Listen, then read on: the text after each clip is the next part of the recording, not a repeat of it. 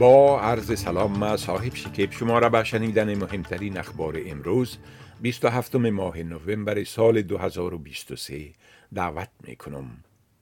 در سومین روز آتش بس چهار روزه بین اسرائیل و حماس 17 گروگان اسرائیلی توسط حماس و 39 فلسطینی از زندانهای اسرائیل آزاد شدند. میانجی ها بین حماس و اسرائیل به رهبری قطر تلاش می کنند که آتش بس جاری تمدید یابد. یک دختر چهار ساله امریکایی اسرائیلی به نام ابیگل ادن هم که والدینش در حمله هفت اکتبر توسط حماس کشته شدند در جمع های اسرائیلی آزاد شده شامل است. ادم بنت رهبر حزب گرینز ادعاهای مبنی بر این را که حزبش یهود ستیزی را نادیده می‌گیرد رد کرده است. قبل از این دیو شرما سفیر سابق در اسرائیل و نماینده پارلمانی حزب لیبرال اعضای حزب گرینز را به اهریمن و شیطان جلوه دادن حکومت اسرائیل در جریان جنگش با حماس متهم کرد.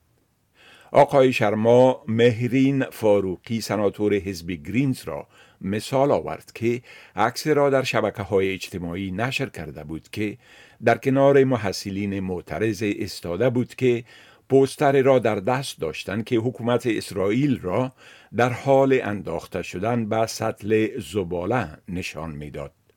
آقای بنت می‌گوید خانم فاروقی بدون اینکه پوستر را دیده باشد عکس را نشر کرده بود و اکنون آن را حذف کرده و معذرت خواسته است حکومت فدرالی 225 میلیون دلار دیگر را برای ادارات امنیتی، پلیس فدرالی و نیروی سرحدی استرالیا تخصیص داده تا اشخاص را که از توقیف نامحدود مهاجرت آزاد شدهاند تحت نظارت قرار دهند. با آزاد شدن 45 نفر دیگر به اساس یک حکم محکمه عالی که توقیف نامحدود را غیر قانونی اعلام کرد تعداد مجموعی مهاجرین آزاد شده به 138 نفر رسیده است. این حکم اشخاص آزاد شده را مکلف می سازد که مقررات اجباری من رفت و آمد را مراعات کرده و به طور نامحدود دستگاه های نظارت الکترونیکی را در بند پای خود داشته باشند. آخرین نظرسنجی نیوز پال که در روزنامه استرالیا نشر شده نشان می دهد که حمایت از حکومت فدرالی کارگر کاهش یافته و حمایت از حزب کارگر و ائتلاف مخالف به اساس آرای ترجیحی با هم مساوی و برابر شده است. اما آرای غیر ترجیحی یا اولی ائتلاف 38 فیصد و در مقابل از حزب کارگر 31 فیصد است. حزب کارگر صدر اعظم انتونی البنیزی در انتخابات سال 2022 با به دست آوردن 32.6 فیصد آرای اولی به پیروزی رسید. آلمان می‌گوید که طالبان چهار کارمند یک مؤسسه امدادرسانی متعلق به حکومت آن کشور را دستگیر کردند. طبق گزارش های رسانه ها، وزارت همکاری اقتصادی و انکشاف آلمان گفته است که افراد دستگیر شده کارمندان نهاد دولتی همکاری بین المللی آلمانند که در 120 کشور جهان برای کمک در توسعه اقتصادی تقویت زمینه های کار، صلح و امنیت و محیط زیست و انرژی فعالیت می کند.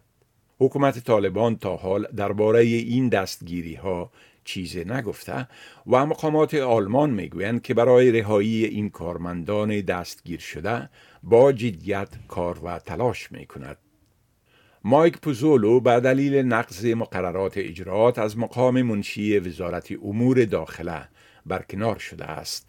او پس از رسوایی در مورد تبادله یک سلسله پیام های متنی از این مقام سبکدوش گردیده است. این پیام های فاش شده نشان دادند که آقای پوزولو بارها برای وزارت خود لابی کرده و در دوره پنج سالش در این مقام نظرات شخصی خود را در تخطی از میارهای اجراعاتی کارمندان دولتی در امور سیاسی کشور ارائه کرده است.